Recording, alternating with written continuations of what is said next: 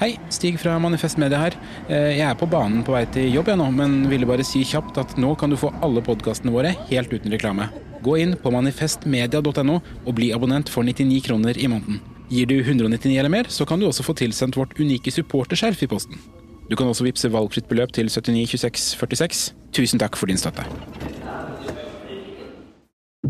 Halv pris på Domino's pizza?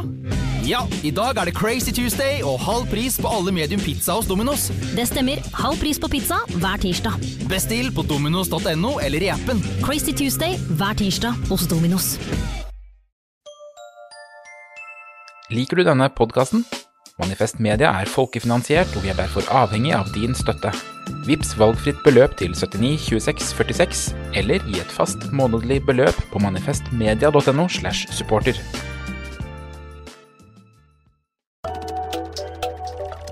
Økotrim med Linn Stalsberg og Kalle Mone.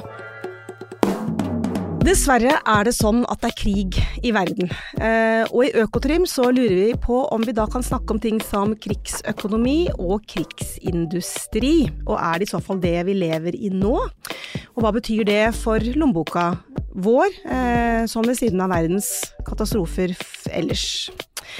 Det, en pandemi eller en naturkatastrofe eller en krig, det påvirker jo økonomien, tror vi. Eh, og underveis i denne episoden er det da naturlig å spørre om hva som er høna eller egget når sånne ting skjer. Er det f.eks. økonomiske systemer, eh, eller kanskje mer presist jakten på rikdom, som skaper kriger, eller er det kriger som tvinger frem i andre enden rikdom og fattigdom? Eh, I del én av denne episoden så spør jeg Kalle Mone om krig og konflikt er noe samfunnsøkonomer bør studere, og i så fall hvorfor det.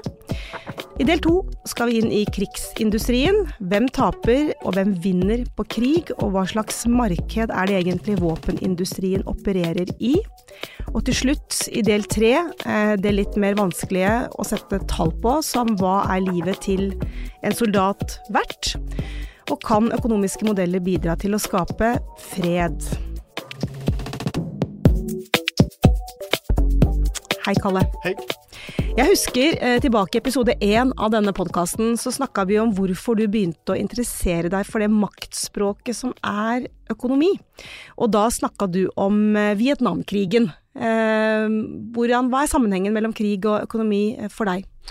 Det, krig er noe av det viktigste. Krig og konflikt vil jeg si er noe av det viktigste i verdensøkonomien alt i alt. Det setter rammene for folks liv. Det betyr veldig mye for folks muligheter i denne verden. Og det er eh, sorg og katastrofer. Det er alle tingene blandet sammen. Og så har det dramatiske økonomiske konsekvenser, og ofte dramatiske økonomiske årsaker. Mm. Um, så da tolker jeg deg dit hen at du mener at dette må samfunnsøkonomer studere? Ja, det syns jeg, og det har samfunnsøkonomer gjort uh, en stund, men det har kanskje vært mer populært de siste uh, 10-20 årene enn det var tidligere. Mange studenter som kommer til økonomi tenker at det har dette vi lærer her noe å si for de viktige spørsmålene. Kriser, uh, konflikter, krig, korrupsjon. Mm. Og, og da finner en så lite av det i de første introduksjonskursene i økonomi. Det burde være mer av dette, for dette er et område som økonomi på linje med andre samfunnsfag kan bidra til å forstå, og kan bidra til å belyse for andre og gi innsikt, og kanskje på sikt mm. mer fred. Men presis hva da, liksom? Hva kan økonomien bidra med i krigsforståelse, da, i forhold til liksom historie eller filosofi eller andre fag? Det trenger jo ikke være i forhold til, det kan jo være i tillegg til andre, andre fag.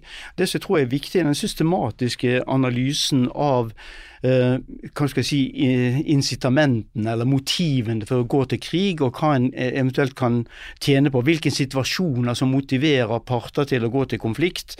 Og så er det selvfølgelig de dramatiske konsekvensene av, av krig. Hvordan krig skaper systematisk fattigdom. Mm. eh, hvordan krig skaper lidelser eh, overalt i verden.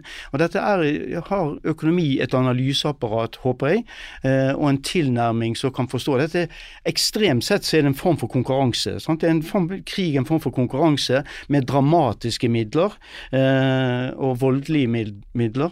og Det betyr at det er en, en konkurrerer om en pris. Det er liksom det som betyr å seire, og en er villig til å investere i voldsapparat og i lidelser og i bruk av uh, vold uh, for å oppnå, vinne denne prisen. Det er liksom det, mm. det, det enkle bildet av det økonomiske bildet av uh, en krig eller en, en kamp. det kan være en, en, ensidig kamp i selve krigen, eller det kan være selve krigen i seg sjøl. Mm. Og derfor, dette, Den typen for ekstrem konkurranse som dette innebærer, egner seg til å bli analysert ikke som en vanlig konkurranse, men med de samme metodene som en kan bruke også i, i konkurranse i et marked, f.eks.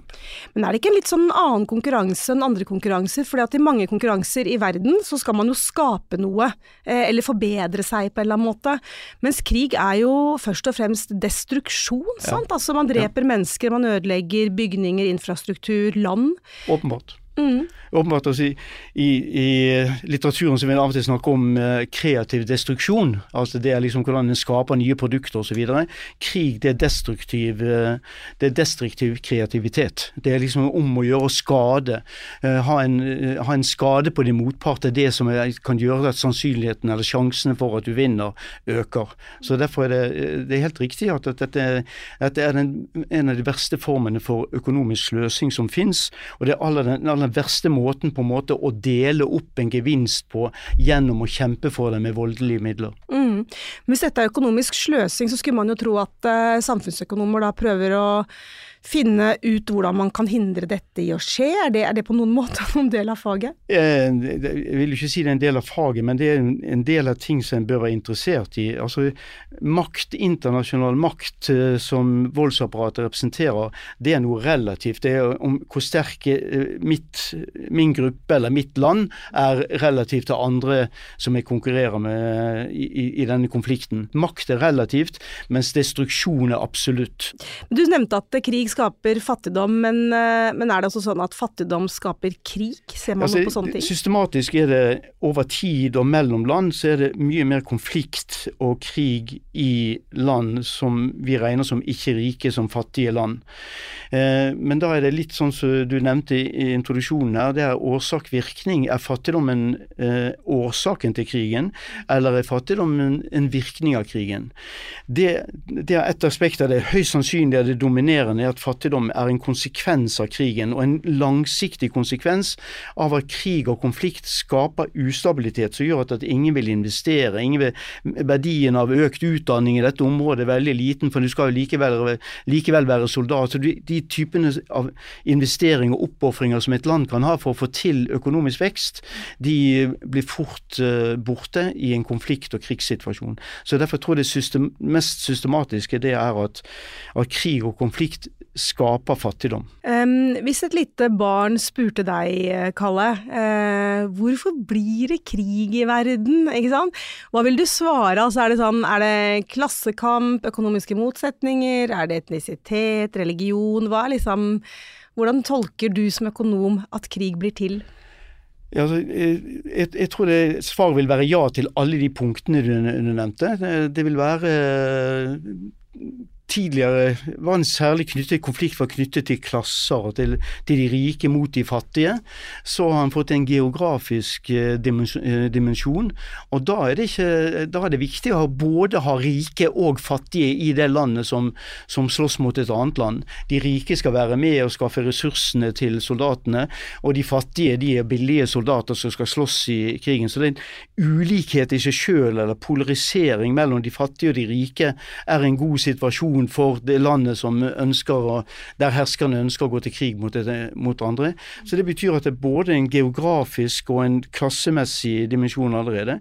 åpenbart religiøsitet betyr eh, mye for eh, ideologi og religiøse oppfatninger. Og det, det interessante her er jo at når det er snakk om religiøsitet og ideologi, så vil ofte små forskjeller generere konflikt. Store forskjeller i ideolog, ideologiske oppfatninger eller religiøsitet eller religiøse oppfatninger, eh, de er ikke i konkurranse med hverandre. Det er når forskjellene blir små. For eksempel, eh, sett utenfra så var trotskister og stalinister de er kliss like. Nå er, vi, nå er vi den russiske revolusjonen, ikke sant? Eller under, sovjet, mm. under sovjetiske systemet på 1930, 1920-tallet, 1930-tallet. De er sett utenfra så er de kliss like, men de var en, en, voldsom konflikt med hverandre. Forskjellige muslimske retninger eh, er i voldsom konflikt med hverandre. Sett utenfra er de kliss like. Det er når Katolikker har vært i, i konflikt med protestanter over, over, lang tid, og igjen er de sett utenfra helt kliss like. Men det er når de er kliss like at de er en utfordring mot hverandre. Mm. Da, da din, din, det du har investert i av din tro, din ideologi, du blir utfordret hvis det ligger noen som ligger veldig nær, som ikke er en del av din gruppe, og derfor skaper små forskjeller i ideologi og, og religion religion eh, dramatiske konflikter. Krigen i Jemen uh, tror jeg har, som alle glemmer, mm. tror jeg har den dimensjonen. Det, det er jo en av de største katastrofene i verden som nesten ikke omtales i det hele tatt. Barn sulter i hjel. Det at sult er det største problemet i forbindelse med krigen. Det er et typisk eksempel på hvordan krig skaper fattigdom, skaper hungersnød. Eh, men det er nesten ikke plass i avisene til å nevne det. Det har vært mm. forsøk på fredsforhandlinger i Jemen over lang tid. Men dette er i utgangspunktet en gruppekonflikt som har religiøse markører. Mm. At en, eh, en, står mot hverandre. Det er også stormakter som blandes inn. Igjen er det den manglende interessen fra, fra media som er litt skremmende. Det er mm. akkurat som vi tåler én toppen to konflikter på samme tid. Men kan det være sånn uh, at vi ofte tror at konflikter har en religiøs komponent, men så er det egentlig snakk om landområder, naturressurser, uh, at noen vil skaffe seg noen andres verdier, rikdom, penger, mennesker, ikke sant. Og så og så bruker makthaverne da, eh, religion som en sånn motivasjonsfaktor, ikke sant, mens det egentlig handler om noe helt annet. Det tror jeg er helt riktig. Et klassisk eksempel er jo uh, Afghanistan. Altså, det er masse krigsherrer. Alle, krig, alle krigsherrene i, uh, i, Afghanistan eh, har en religiøs motivasjon bak seg. Er, sånn er kulturen i det området. Men det er klart at den er ofte en forklaring på, eller en rettferdiggjøring av grusomme handlinger. F.eks. når Sovjetunionen trakk seg ut fra Af Afghanistan, så ble det jo en kjempeborgerkrig innad mellom krigsherrer. Eh, helt til Taliban kom inn igjen i Afghanistan i 1994. Uh, og, og, noen av de grusomste krigshandlingene uh, var i, det, i, den perioden. Taliban var ikke noe annet enn egentlig en annen krigsherre organisert på en ny måte. De kom inn fra Pakistan og var veldig populære i begynnelsen, mm. helt, til at, helt, til befolkningen så at dette er jo bare en vanlig krigsherre. Og da ble de også behandlet som en vanlig krigsherre. Men alle disse gruppene hadde forskjellige avskygninger av muslimsk tro, og de brukte sin muslimske religiøsitet til å forklare sine grusomme handlinger. Eh, mm. Så det har du rett i. At det vil være et ønske om en berikelse fra krigsherrer som rettferdiggjøres med deres ideologi eller deres religiøse tro.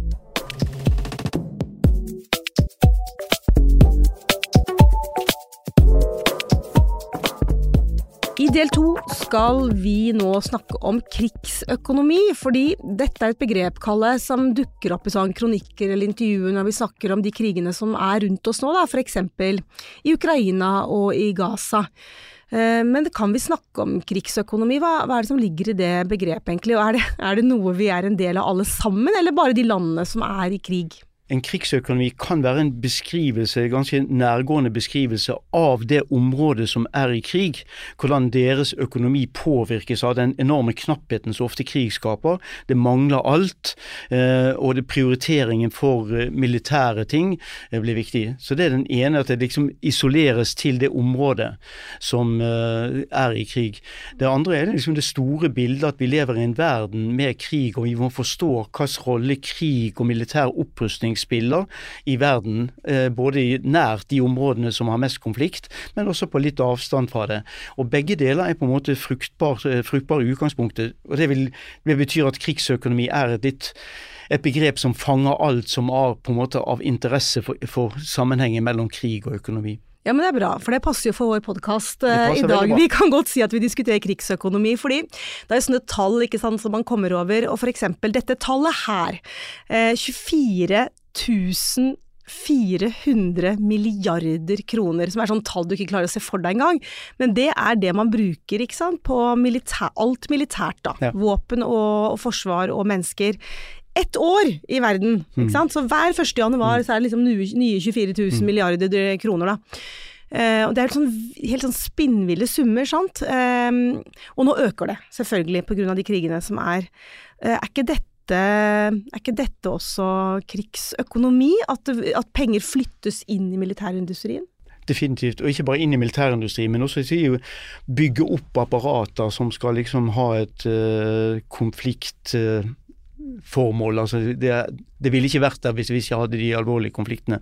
Så dette, dette, For å se disse tingene i perspektiv, så kunne du se hvor mange ganger du kunne avskaffe verdens fattigdom med de militære opprustningene som folk er villige til å gå til. Og Det som er det store dilemmaet innenfor her, det er jo at, at for, hver enkelt, for hvert enkelt land eller allianse av land, så ser det helt fornuftig ut.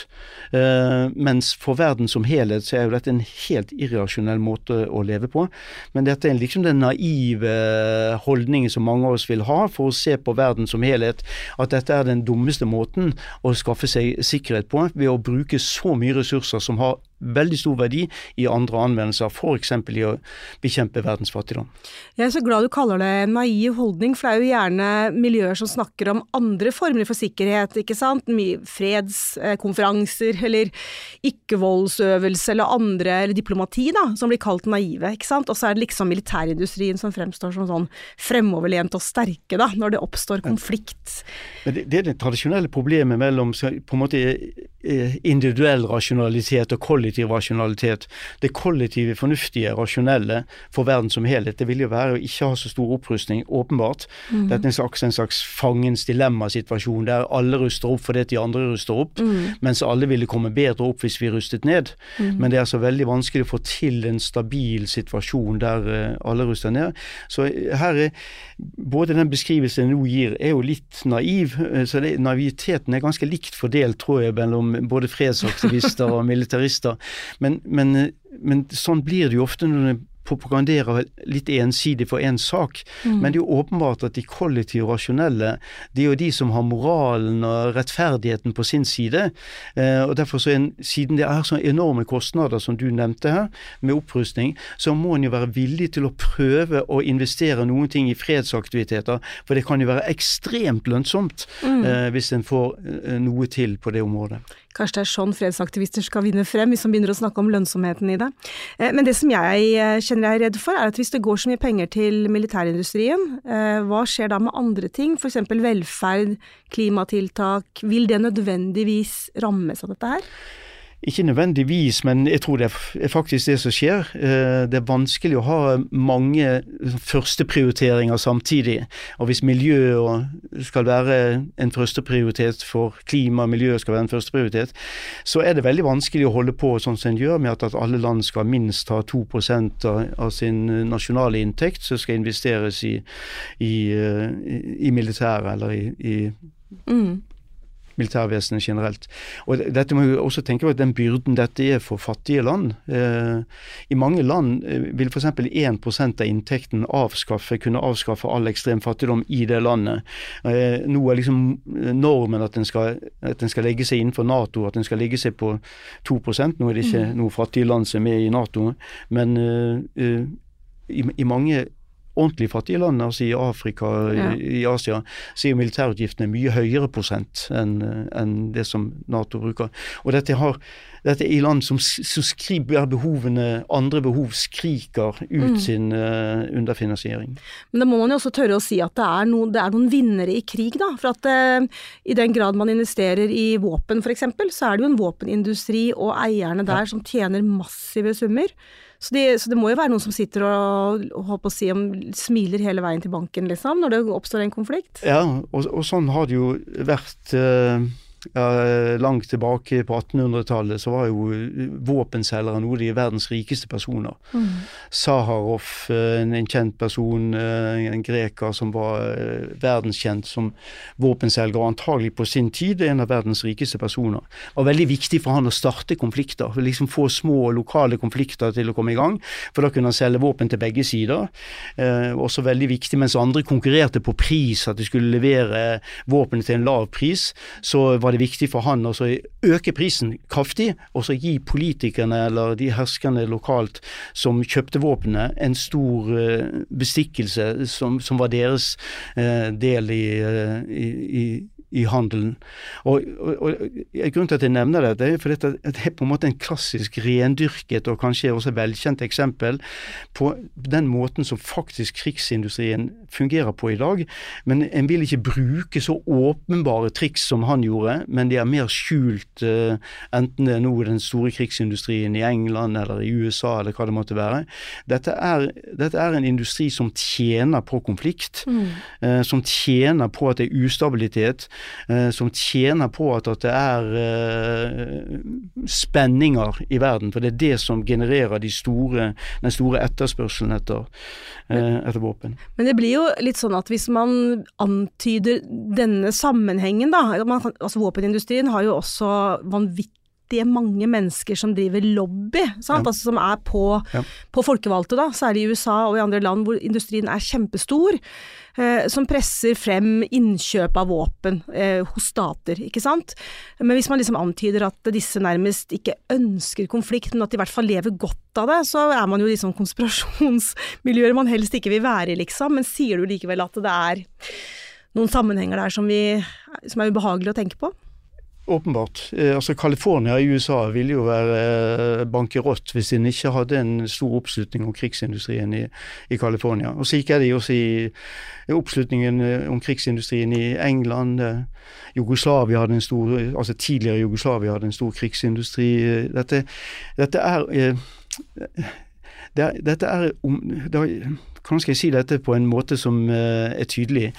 I, I, økonomi så gjør en narr av uh, innsikter som er typen tilbudet skaper sin egen etterspørsel. Det var kalt Seys lov, ble det kalt på i, i teorihistorien, etter uh, Baptiste Say, en økonom. Men i krigsindustrien så er dette akkurat det som skjer. Altså Tilbudet av våpen til et område, og hvis de kjøper det, så motiverer det andre til å kjøpe våpen. For de må jo motvirke de våpnene som de andre har kjøpt. Så her er det tilbudet, det aktualiserte tilbudet, altså det som er realisert i et område, er i seg selv genererende for hele industrien. Og de, de stimulerer hverandre, selv om de, måten de konkurrerer på, det er bare en fordel at de andre får solgt mye til et område, hvis du kan selge til potensielle til potensielle fiender av, av dette området. Mm. Og, og, her er det Norge prøver å ikke selge våpen til Saudi-Arabia, men mange av våre allierte selger våpen til Saudi-Arabia. Hvis en liker regimet i Saudi-Arabia, så er det kanskje greit, men de aller fleste i verden liker ikke regimet i Saudi-Arabia, undertrykkelsen de har mot egen befolkning, rollen de spiller i, i området, i hele Midtøsten, eller i verdensøkonomien for den sakens skyld. Uh, men dette er krigsindustrien har svære kontrakter med Saudi-Arabia, og, og, og, det bestemmer politikken på høyeste nivå, både fra USA og fra Englands side. Mm. England har jo ført et veldig masse med Saudi-Arabia. Eh, Tony Blair har spilt en, en, en rolle i, i, området her. Så disse tingene er knyttet sammen på en, en måte mm. som er litt av det du sier, som høres ut som en konspirasjon, men som er som studie av mekanismene her på en måte bekrefter ikke konspirasjonen, men at mekanismene har disse effektene, at tilbudet skaper sin egen etterspørsel. Nettopp.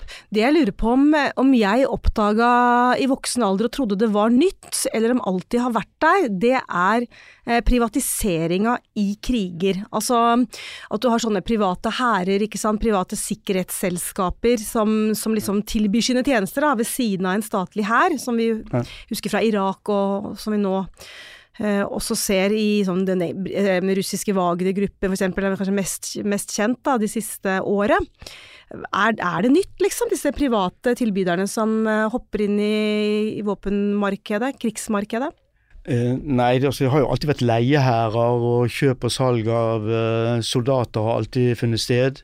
I tillegg så F.eks. nå hadde det piratvirksomhet uh, for folk som, som plyndret edle metaller i, i Sør-Amerika. Når de var på vei tilbake, så var det en svær business å, å kapre disse. Noen av disse var jo private hærer som, som konger og, og dronninger i Europa hærte inn, nei, hyrte inn unnskyld, for, for å plyndre disse transportene, som var enorme gevinster. Dette eh, går så langt tilbake som til middelalderen her, eh, så har det vært, eh, vært eh, slik. Det som, det som er mer tydelig nå, det er jo den veldig kommersielle tydeligheten som, eh, som disse selskapene har. altså Wagner-gruppen er blitt spesielt kjent eh, i krigen i Ukraina, Russlands engasjement i forskjellige steder. Men du har jo også sånn så eh, det som tidligere het Blackwater, som nå Ja. har skiftet navn til Academy eller noe sånt. Eh, de, mange av disse selskapene skifter navn. Det er på- i- Tilsynelatende er det sikkerhetsselskaper. Det er selskaper som tilbyr beskyttelse av eh, små grupper, men de har begynt også å ta oppdrag. Små oppdrag, et lite kupp her, et lite kupp der. Eh, så dette er store selskaper med avanserte våpen. Ofte spiller de en litt tilbaketrukket rolle, men de er veldig viktige i de aller fleste konflikter i verden. Mm. Eh, Det som ofte skjer da, der det er krig, det er jo andre uheldige bivirkninger som kriminalitet og korrupsjon. Eh, hvordan plasserer vi våpenhandel og denne type privatisering i dette, dette bildet her? Altså, De vil jo være en, absolutt en del av bildet. Høyst sannsynlig, så, som jeg tror jeg har sagt i en tidligere podkast, så er våp, internasjonal våpenhandel den mest korrupte del av internasjonal handel som vi noen gang har hatt. Og Det er helt naturlig at det er sånn, for en kan ikke konkurrere åpenbart på kvalitet og pris. For en vet ikke, det skal være hemmelig hva du selger. Og Dette er jo helt åp dette er liksom, liksom innbyr til korrupsjon, innbyr til store fordeler. Og Som regel de som betaler for det, er ikke de som egentlig har oppofringene med den betalingen. Det er politikere, herskere, som kan på en måte skattlegge sin egen befolkning for å, for å kjøpe disse tingene. Og de kan få en stor gevinst av dette sjøl, akkurat sånn som jeg sa med våpenhandlerne på 1800-tallet. Eh, og, og dette tror jeg dessverre er, er veldig vanlig. Men hvorfor er det sånn, Kalle, at våpenindustrien skal være så hemmelig? Ja, Det er viktig, et viktig strategisk overtak som eh, en krigspart kan ha. Det at en har en kapasitet, en mulighet til å gjøre ting som de andre ikke vet om. Eh, og Derfor så gir det en fordel.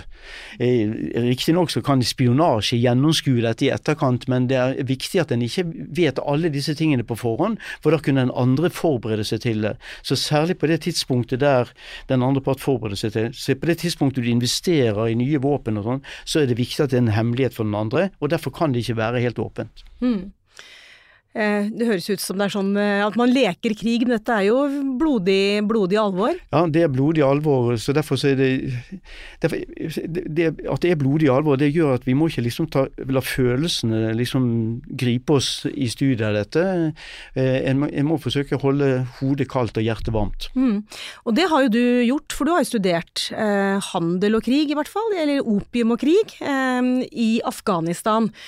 Fortell litt om det, så vi kan forstå sammenhengen mellom, eh, mellom hvordan krig påvirker økonomien eh, i et land. Altså det, det, den tradisjonelle eh, tilnærmingen til det spørsmålet, det har vært at, at, at en produserer opium, eller narkotika, for å skaffe seg våpen. Det er liksom, Når det er konflikt i et område, så er det om å gjøre å, å få noe så du kan betale for nye våpen. Ja, og i Afghanistan har det vært krig i eh, 40 år, eller Minst, vel så det, ja. minst. Ja. Det har vel kanskje sjelden vært stabi- stabilt i Afghanistan. Men, men også i tidligere perioder før, eh, altså før Taliban, så har det vært masse eh, opiumstyrking som har blitt brukt bl.a. til å investere i våpen. Det som vi, og dette, vi i dette tilfellet Fredrik Willumsen og Jo Tori Lind og meg sjøl, studerte i Afghanistan, det var det omvendte problemstillingen. Hvordan konflikten i seg sjøl genererte økt opiumdyrking. Og Måten vi studerte det på, det var å bruke sånne satellittfotoer av hvordan opiumsplantene spredte seg, alt etter hvor det var eh, konflikt. Og nå er det ikke, Mange tror at vi alle vet hvor soldatene har vært i forskjellige krigssituasjoner. Det ble holdt som militære hemmeligheter. Så det vi brukte der, det var, det var liksom GPS-nummeret som likposene eh, hadde på seg når de ble sendt hjem til USA. For vi visste at der så Dersom det var likposer som ble sendt hjem, der står det også årsakene til at vedkommende døde. Der visste vi at det var en trefning. og Derfor kunne vi bruke de, den, koble den type data ved å se at, at der det var trefninger, bombinger fra eh, ISAF-styrkene etter 2001, der blomstret det opp enorm ekspansjon av opium i etterkant. Mm. Og det som vi, Mekanismen her høyst sannsynlig er, det er at der det er trefninger, der viser den lokale krigsherren seg å være så sterk sterk at han kan beskytte opiumdyrkerne, slik at de trygt kan uh, ekspandere. Du vet at der er det trefninger der det er ingen lov og orden, så der kan de også trygt ekspandere. I tillegg hadde Taliban et, et ønske om finansiering. De skattla opiumdyrkingen. Eh, det er ulovlig i, Afghanistan, men eh, det er bare på papiret. I realiteten er det legalisert. Og Taliban tar 20% av gevinsten som er skattleggingssystemet av dette. Mm. I 2001, når Taliban hadde nesten kontroll i Afghanistan, så var det veldig viktig å vise fra Taliban sin side at dette, dette landet kontrollerer vi. Så Derfor så kuttet de all opiumsproduksjon ned til null. Og de har ganske harde straffer for de som brøt det forbudet. Og det kunne, Du kan se det også i de bildene som, som vi har på uh, satellittbildene fra uh, opiumdyrkene, at, at, det var nær null. og Oppe i nord hadde ikke Taliban full kontroll, og der var det fortsatt noe dyrking. Mm. Men bortsett fra det så var det nesten null. Når bombingen kom på høsten i 2001, og det fortsatte utover, så er det, så er det en enorm eksplosjon av opiumdyrkingen. Og Afghanistan leverer nå 90% av uh, den, den, ulovlige uh, opiumsalget i verden. Men bare så jeg får det sånn helt inn med ja. teskje. Uh, hvorfor, øk, altså hvorfor økte opiumsdyrkingen når Taliban der de var svake. Altså Jeg skjønner ikke helt hva som er linken. Det, det, det, er ikke sånn Der det, blir, der det er bombing, mm. der er det jo Taliban sterke. Det er, sånn, det er jo derfor de bomber i det området. Så dette at det er mer et bevis på hvor Taliban er sterke, eller hvor den lokale krigsherren, det er ikke bare Taliban, den lokale krigsherren som måtte være der, mer eller mindre i allianse med Taliban, som bevis, beviser på at han er sterk, det er dette at det er krigshandlinger i området. Og Vi ser f.eks. der soldater dør fra ISAF-styrkene, der eh, av en trafikkuhell eller hva det måtte være, eller blir sjuk eller hva det måtte være. Mm. Det er jo bare de, den type informasjon vi har. Der er det ikke noe oppblomstring av, eh, av opiumstyrken. Så det er, det, det er ikke tilstedeværelsen av ISAF-styrker, det er tilstedeværelsen av konflikt, tilstedeværelsen av konfrontasjon, mm. som er, gjør det at det, i ly av konfrontasjonen, i ly av krigen, så blomstrer det opp en helt illegitær eh, økonomi. Det som er alternativet til opium, er hvete i Afghanistan. Hvete trenger vann, det ble bombet i stykker. Vanningsanleggene bombet i stykker. Hveteproduksjon trenger veier, de er ødelagt. Opium trenger ingen av de delene. Opium er veldig resistent overfor tørke, og en, en, en stor klump med, med, opium som du kan ha i lommen din, det er mange års inntekter for, for, folk, og det kan du putte i lommen og gå til grensen og selge. Så det er liksom en helt annen krigsvennlig eh, økonomi rundt opium enn det er rundt hvete. og resultatet resultatet er at folk blir fattigere, unntatt noen få som dyrket uh, opium. Det er fremdeles mm. uh, et lite, lite mindretall som dyrker opium, men det skaper i seg selv fattigdom og ulikhet av den krigsøkonomien som Afghanistan blir utsatt for. Så det at det kan oppstå former for krigsvennlig industri, da, som trenger ja. andre ressurser enn i fredstid, ja. eh, i ly av en krig, ja. det har du et eksempel på her, men det kan vel også skje eh, andre steder? Overalt. Altså i, i, den lange borgerkrigen som har vært i Colombia, så ser du det varierer veldig med om, om arbeidskraft er dyr eller ikke, eller om arbeidskraft, hvis arbeidskraften er billig, så blir det mer konflikt. Det er lettere å få tak i soldater. Når arbeidskraften er dyr, så er det mye vanskeligere å få til eh, konflikt, for da har de andre steder å gå. Du ser det mm, på lignende måte at det vokser fram uh, en, illege, en, ille, si, en, ulovlig, uh, umoralsk økonomi. Ja. Ta Colombia bare som som et eksempel.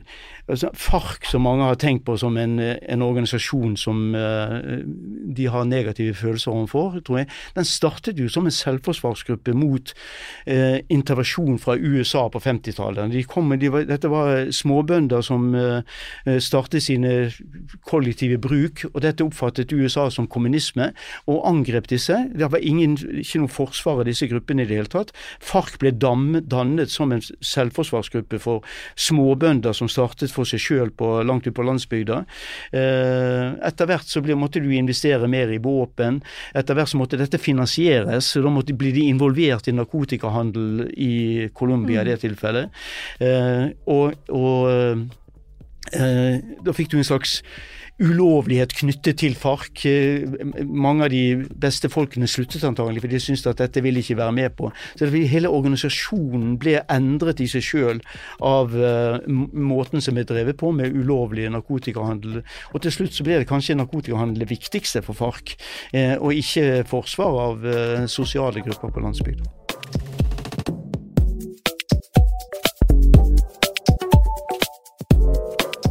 Så langt så har vi snakka en del om ressurser, eh, om marked, privatisering, det at krigene kan ha sin egen økonomi. Enten den er legitim eller illegitim. Eh, men nå eh, lurer jeg også på om ressurser kan være en forbannelse. For det at ressursenes forbannelse, det er jo et eh, begrep. Det er ikke bare noe jeg finner på, men det er et begrep eh, i ditt fag, Kalle. Fortell om det. Ja, Ressursene forbannelse det er eh, kort sagt det at ressurser i seg sjøl kan være en ulempe. Land med mye ressurser har mindre demokrati, mindre menneskerettigheter, dårligere styresett, mer konflikt eh, og lavere økonomisk vekst. Det er noen av trekkene med land med mye naturressurser, særlig konsentrerte naturressurser som eh, mineraler eh, som kan plyndres, olje f.eks. Det er typisk at land som har mye av det, f.eks. Angola under krigen i Angola. De hadde, der hadde MPLA de hadde tilgang til oljeressurser, mens UNITA, som de slåss mot, hadde tilgang til diamanter. Og Det var liksom var med ressursenes forbannelse gjorde dette at hver av partene kunne finansiere sine aktiviteter ved hjelp av dette. Mm. Spørsmålet er liksom om, øh, øh, øh, om om det systematisk er sånn at, at, at, land med mye ressurser har mer krig, det er nok riktig i gjennomsnitt, men det er også land med gode institusjoner, gode ordninger, et utbredt demokrati, som har mye ressurser og lite krig. Så det er, og lite av forbannelsen som ressursene har, der ressursene blir en velsignelse. Som, som oss i Norge, kanskje? Norge vil være et eksempel. Mhm. Island. Jeg vil også si at USA vil være et eksempel historisk. De hadde veldig masse naturressurser. Fikk eh, De som var koloniherrer opprinnelig i, i USA, var jo settlere, så de hadde tenkt å ha de institusjonene sjøl. Mm. Eh, de skulle smake konsekvensen av de sjøl, så derfor så eh, var det viktig for de å bygge opp skikkelige institusjoner som beskyttet bl.a. for plyndring av, av, de ressursene. Så der det en, ble det en velsignelse. Du kan liksom stille spørsmålstegn ved hvor god velsignelsen var for alle, men det var i hvert fall mer av en velsignelse enn det har vært i Angola, enn det har vært i eh, mange andre land. Men, men, en krig som, som, står oss eh, nær eh, geografisk i Ukraina f.eks., er det en krig som handler om ressurser? For man tenker at Ukraina det er jo et land som har eh, gode og fine naturressurser, er det ikke, er det ikke sånn? Og er dette noe, noe Russland har lyst på? Er det, er det sånn man jeg, kan se det? Jeg tror det, det, det, er nok ikke den eneste grunnen. Altså jeg tror det, det er en forhistorie, lang forhistorie her som gjør det mye lettere å angripe Ukraina enn noe andre land. Eh, både det som skjedde på 1930-tallet med sultkatastrofen i Ukraina, som, som Stalin-regimet må uh, ta hele skylden for, og, og, og, en rekke andre ting som har vært i forhistorien som gjør det lettere. Men hvorfor angriper, hvorfor angriper Russland Ukraina og ikke Silicon Valley? Ja, vi skjønner at det er åpenbare grunner til det. Men hvis de, hvis de, angrep Silicon Valley, så vil de ikke få noen av verdiene i Silicon Valley. Hvorfor det? Jo, fordi at det som er verdifullt i Silicon Valley, det er avhengig av fred. Det er noe ting som er sårbart overfor konflikt. Det er hodene til folk, eller hovene som vi sier i Bergen. Hovene til folk som jobber der, det er ting de får til. Og hvis det er konflikt, så fins ikke dette lenger, eller det, du får ikke det ut av det som vil ha. I Ukraina er det annerledes. Det er et veldig viktig jordbruksland. Det er være et kornkammer for verden. Det har også viktige mineralressurser. Dette Selv om du ødelegger all sivilisasjon eller byene i Ukraina, så kan du fremdeles beholde de ressursene i etterkant, eller dra nytte av de ressursene i etterkant. Så Derfor så er Ukraina i en helt annen situasjon. Så Hvis det lå en Silicon Valley rett ved siden av, som hadde en forhistorie som lignet på, på Ukrainas i forhold til Russland, så ville eh, russerne selvfølgelig valgt Ukraina, for der kunne de beholde noe av det som de ville se på som verdifullt og være til fordel for det. I tillegg er det selvfølgelig mange mange andre ting, men ofte er det slik at, at du får overvekt på en type argumenter som gjør at, at, at det blir en forbannelse å ha ressurser. For du utsettes for, eh, for bl.a. konflikt og en interesse i å bli kapret. For dette kan du dra nytte av, selv om du ødelegger byene i kapringen. Men er dette også en form for krigsindustri, hvis man har f.eks. en veldig viktig gruve, da, eller, eller masse fine åkre, eller andre ressurser, så er man nødt til å forsvare, tenke at man må forsvare det militært, og så har man i tillegg en ganske kraftig forsvarsindustri, f.eks.? Ja. Det vil være Det er ikke alltid at en nødvendigvis har en egen forsvarsindustri, men du kan også importere ting for Svaret.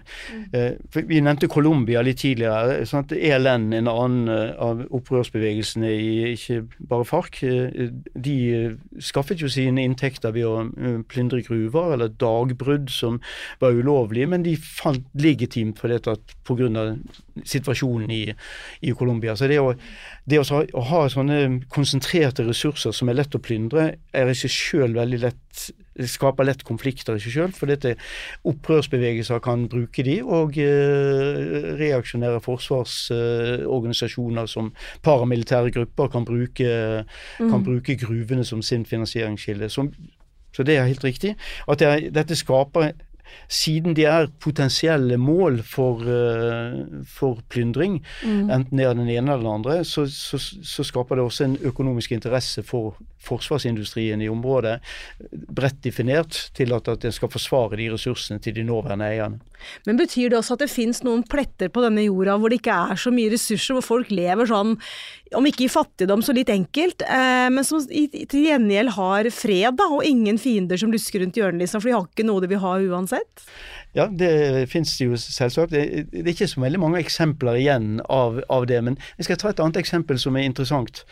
Eh, eh, Botswana var et land som ingen ville ha. Botswana ville ikke folk ha det. Som du, ble- når det var eh, frigjøringsbevegelser i Afrika på, på 60-tallet, så var det ingen krig i Botswana. For, det var verdiløst, trodde mange. Engelskmennene trodde det, de sloss ikke for Botswana. Så like etter frigjøringen av Botswana, så fant de diamanter. Så en veldig verdifull ressurs. Hvis jeg hadde funnet de eh, diamantene fem år tidligere, så hadde det vært en kjempekrig om Botswana. Men der fikk en løst en- Det er et av de få stedene hvor ressursene har kommet akkurat befolkningen til gode fullt og helt, vet jeg ikke, men det har i hvert fall ikke skapt konflikt og, eh, og krig. Og Botswana er et av de landene som fra midten av 60-tallet frem til i dag har hatt den høyeste økonomiske veksten i verden. Bl.a. ved hjelp av eh, den rollen som diamanter har spilt, og, relativt stabilt, ikke så veldig demokratisk, men relativt stabilt styresett. Så det fins ordninger det finnes områder i verden som til og med har hatt verdifulle ressurser som har levd i fred med, eh, med både inntrengere og opprørere i landet sjøl. Botswana er et eksempel på det, selv om det ikke er noe mønsterland. Det er kjempehelseproblemer. Det er noe av det mest hiv-smittede landet i Afrika. Mm. Trikset må jo være, være å fordele da, disse ressursene mest mulig, liksom, så slipper man iallfall sånn internt oppgjør og, og, og interne borgerkriger etter ja, ressursene. Det er i hvert fall viktig at en fordeler det på en måte som ikke inviterer til at du får opprørsbevegelser som skal kapre det. Om de akkurat deler de så veldig likt, det er ikke alltid det som skjer. Du må, hvis, hvis du skal tenke deg en, en fordeling som er fredsskapende, så er det ikke alltid at, den er, at det er lik, lik inntekt til alle, dessverre. Du må liksom du må fordele inntekten slik at det ikke lønner seg å danne opprørsbevegelser. Sånn at de har fått så mye at, at du vil eh, Sammenlignet med det å delta i en krigsøkonomi der du slåss om disse ressursene, så får du mer i den nåværende situasjonen deres. Det kan være veldig urettferdig sett eh, eh, med andre øyne enn krigens øyne, men, eh, men skyggen av konflikt som ligger bak i sånne land, det vil ofte skape eh, litt inegalitær fordeling, fordi du må forhindre at krigsherrer dukker opp. Det er en liten strategi bak Ja. fordelinga. Eh, nå har vi jo sant, så langt i podkasten snakka om ganske konkrete ting. Eh, Industrien, vi har snakka om, eh, om våpen, vi har snakka om diamanter. Altså alt som liksom, konkret blir en del av en krigsøkonomi, da. Eh, eller land i krig. Men det er jo så mange andre ting også som, kommer, som, er, som er en del av krigen, ikke sant. Som eksempel eh, mennesker. eh, og alt som hører Og det er jo de, det er mennesker som rammes eh, mest brutalt, ved siden av alt annet levende, da, som natur, men de kan jo ikke skrike så høyt som mennesker kan.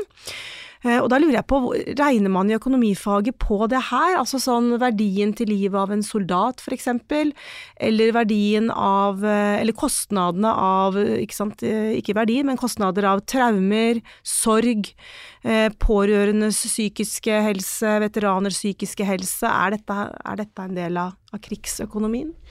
Det ærlige svaret er nei. Eh, dessverre er det ikke sånn, eh, men det er jo helt åpenbart at du har rett. Altså, Verdsettingen moralsk sett av et menneskeliv er uendelig. I praksis er jo menneskeliv nesten ikke verdt noen ting i, i krigssoner. Og det er jo noe av det som er det tragiske, som vi ser i Palestina, som vi ser i eh, Ukraina, som vi ser i mange i Jemen. Prak I praksis så teller ikke et menneskeliv noen ting. Og ofte er det sånn at et menneskeliv får egne, eh, for egen befolkning, det er eh, av høy verdi, eh, mens straffen du er villig til å påføre andre, som i Palestina-konflikten, er jo tigangen, tjuegangen det som en sjøl blitt rammet. Og Implisitt i sånne handlinger så ligger det en verdsetting av liv som er skremmende lav. Så er skremmende lav overfor eh, Jeg må jo skape ofte et fiendebilde i en krigssituasjon som er slik at de andre er udyr. Det er derfor du er villig til å drepe dem. Eh, Og hvis ikke, hvis ikke du gjør det, så vil de drepe deg. Dette er jo eldgamle bilder som er brukt i krigssituasjoner, som gjør at i praksis så er eh, det menneskelige nær null. Det er en annen viktig ting som vi har nevnt litt, og det er prisen på en soldat i markedet. Altså, og prisen på, en, eh, på et gevær i, i Afrika. Disse tingene betyr noe for konflikter. Altså, når det er dårlige tider i Afrika, så er det lettere å hyre soldater til en, til en opprørshær i Kongo eller i Rwanda eller hvor det måtte være. Eh, Så derfor så er det den eh, verdsettingen som markedet har av arbeidskraft, hvis en hadde fått den opp, så hadde det også vært dyrere å føre krig. Alternativkostnadene som økonomer vil si av å krig, er jo høyere i en situasjon der det er oppgang i arbeidsmarkedet og oppgang i økonomien generelt. Men det er jo en sånn, du sier det er, en sånn, det er jo en dehumanisering av fienden, ikke sant. For Ja. i, i Gaza som vi ser nå, som gjør at det er mulig å drepe så mange. Ja. Eh, ellers hadde det kanskje vært mulig å gjøre det i det hele tatt. Men er det, er det ikke også en sånn dehumanisering av soldater? Det er liksom noe som kjennes litt sånn gammeldags. Eh, at vi snakker om disse unge guttene særlig, da. Som om som om det skulle være sånne tinnsoldater, liksom. Som bare er collateral damage. Og som liksom ødelegges eh, på alle mulige måter. Så, så nå er, dette er menneskelivet, da, men det er noe annet også. Det er liksom det alt det andre livet. Natur, vann, luft. Ja. Som vi også trenger for å overleve, da. Um, og det, er, det er jo en annen diskusjon. Sant? Kan man sette pris på naturen, på vannet, på elven, på uh, Og det, dette er også ødelegges jo i stor grad i mange, mange tiår, hundre år kanskje, Ja. etter en krig. Ja. Er, det, er, ikke det noe, er ikke det noe man kan eh, regne på? Jo, jeg kan godt regne på det, men spørsmålet får det konsekvenser. Det må jo få, få konsekvenser for beslutningstakere. Det er ikke noe i og for seg noe vanskelig å sette en veldig høy pris på alle ting vi verdsetter uh, mye. Uh, men det å få, å få dette til å være oppofring av kostnader for de som skal beslutte eh, om krig og fred og, og, og de tingene. Så det er jo sånn at du at fredsskapende institusjoner, da må en tape på å gå til krig. Sant? Det, er det, som det er det fredsskapende institusjonene. og Hvordan en kan skape et miljø som er slik at en kan tape på krig, det er, eh, det, er det viktige for nedrustningsbevegelsen eh, og for ja, for verdenssamfunnet generelt. Og krig og konflikt, som vi har sagt mange ganger, er jo kjempeviktige ting for verdensøkonomiens utvikling. Eh, noe av kostnadene vi bærer nå, er jo opprustning. Kostnadene ved opprustning. Men det, du kan tenke på de som både har opprustning, tap av menneskeliv, tap av naturressurser, tap av Gjøre hele områder ubeboelige pga. Det er jo en absurd ting at en forsøker liksom å dele verdens ressurser på en så ekstremt uh, umoralsk og urettferdig måte som kriger representerer. Og kriger og konflikt representerer. Det er nettopp det, for jeg tenker at hvis man kunne liksom regne De fleste kriger slutter jo på et eller annet tidspunkt Ja. eh, ved diplomati. Sant? Selv om det har vært masse år og masse drap og masse ødeleggelse i mellomtida, så ender man opp et skrivebord uansett med en eller annen avtale som noen kanskje syns er grei, og andre ikke så grei, men enige på en eller annen måte blir man, da. Eh, hvis man kunne regne på Altså hvis man hadde visst utfallet av en krig, da. Uten denne krigen imellom, Ja. kunne man ikke bare laget et system som gjør at man kan droppe de ødeleggelsene? Jo, det eh, dette kalles for Higgs-paradokset i eh, konfliktforskning. Og Higgs eh, studerte dette i, forbindelse med arbeidsmarkedet, og streik er det samme. Streik og lockout er det samme. Hvis du kan predikere eller forutsi utfallet av en, av en streik, det er lettere å holde seg til et veldig enkelt eksempel, skal vi krigen etterpå, så vil du jo kunne dele resultatet akkurat på den måten som, som streiken ville innebære, uten å brenne av en masse ressurser i form av tapt arbeidstid som streiken innebar. Hvorfor er det slik at streiker likevel eh, skjer? Vi hadde verdensrekord i streiker i, Norge i mellomkrigstiden. Hvorfor skjedde det så mange eh, streiker? Det er et viktig eh, forskningstema. Likedan med konflikt. Vi kan kanskje predikere, ikke så veldig godt, utfallet av eh, en krig.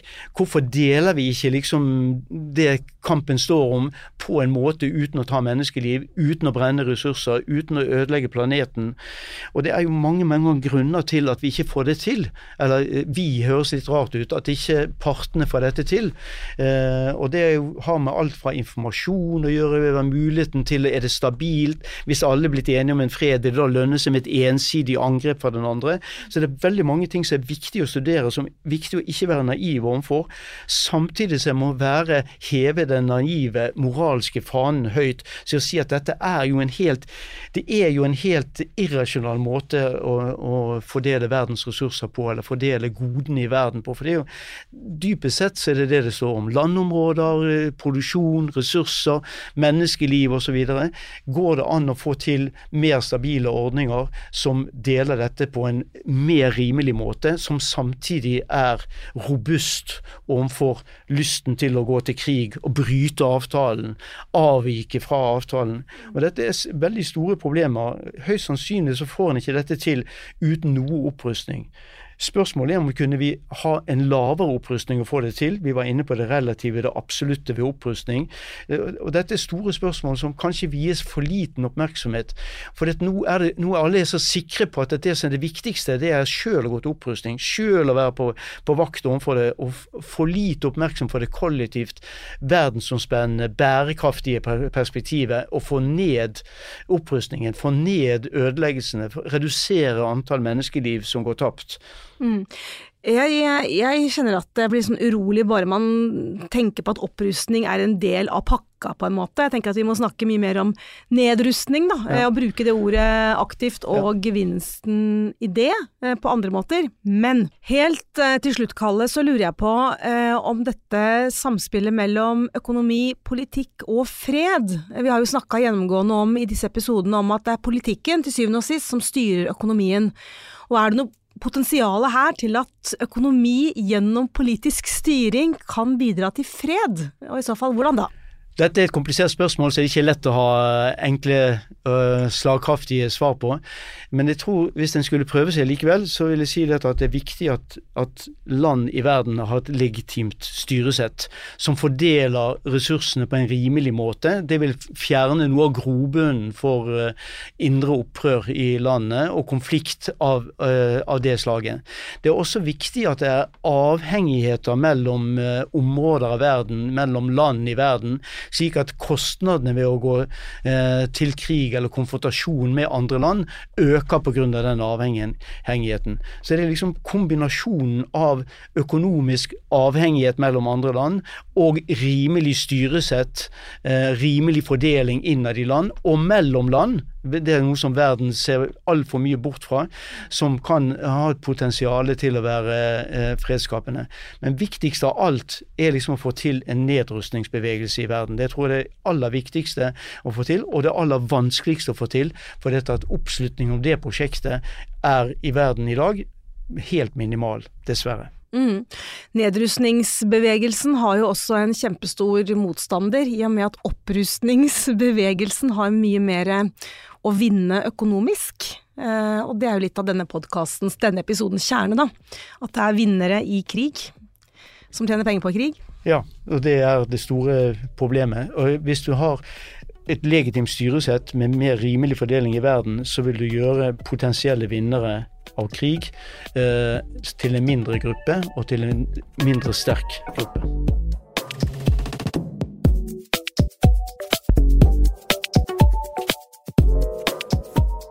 Krig og fred og sånn, det er jo ganske heftige temaer. Eh, du, Kalle, skal for første gang få lov å være med å oppsummere tre ting vi skal ta med oss ut av denne episoden. Det har jeg pleid å gjøre aleine, men nå har jeg med meg deg, og det er jo kjempebra i et så komplisert tema. Det jeg eh, tar med meg, tror jeg, er liksom det der med at når alt kommer til alt, så er menneskeliv og naturens liv ikke så mye verdt. Verken økonomisk eller moralsk når vi snakker om krig.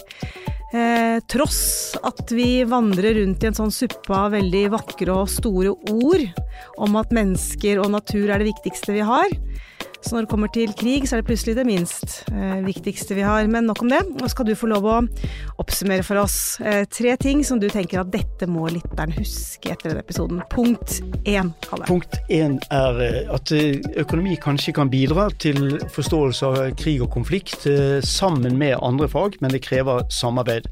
Økonomisk metode her eh, er egnet til å forstå krig og konflikt. punkt to vil jeg si at det er kompliserte sammenhenger mellom alt fra ulikhet, polarisering, religiøsitet, ideologi og konflikt. At, uh, at fattigdom f.eks. kan både være krigens årsak og krigens konsekvens. Og det er uh, et, å forstå disse tingene, at hvordan disse tingene henger sammen, er mm. viktig. Og det er økonomi kanskje egnet, spesielt egnet til økonomi som fag. Mm. Punkt tre vil jeg si at det å være rik på ressurser er også her i et konfliktsammenheng en, kanskje en forbannelse. Og det krever at land som har mye ressurser, eller områder som har mye ressurser, må også ha et veldig legitimt styresett, fordele gevinsten av disse ressursene på en sånn måte at du får bort eh, interne opprør, og at du ikke fristes til å angripe utenifra. Mm. Det vil jeg si de tre viktigste punktene. Og så må vi ikke glemme nedrustning.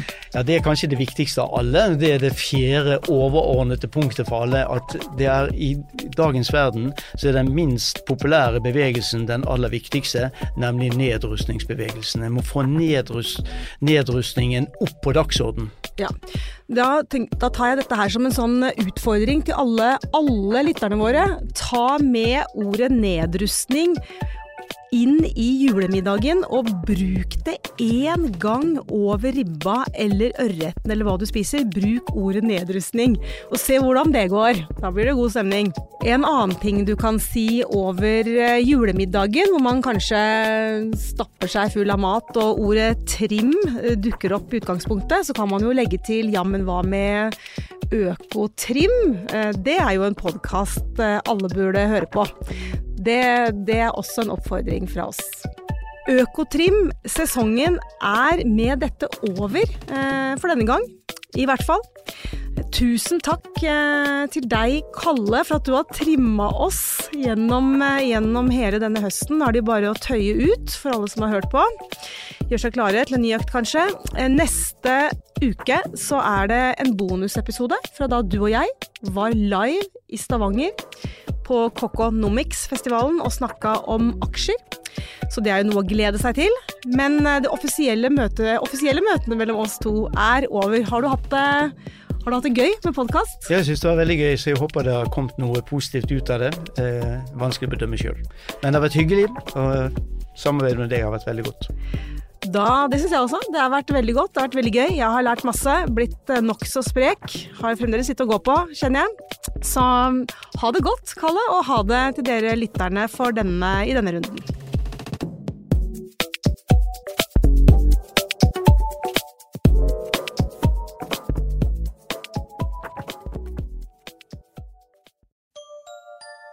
Likte du denne podkasten?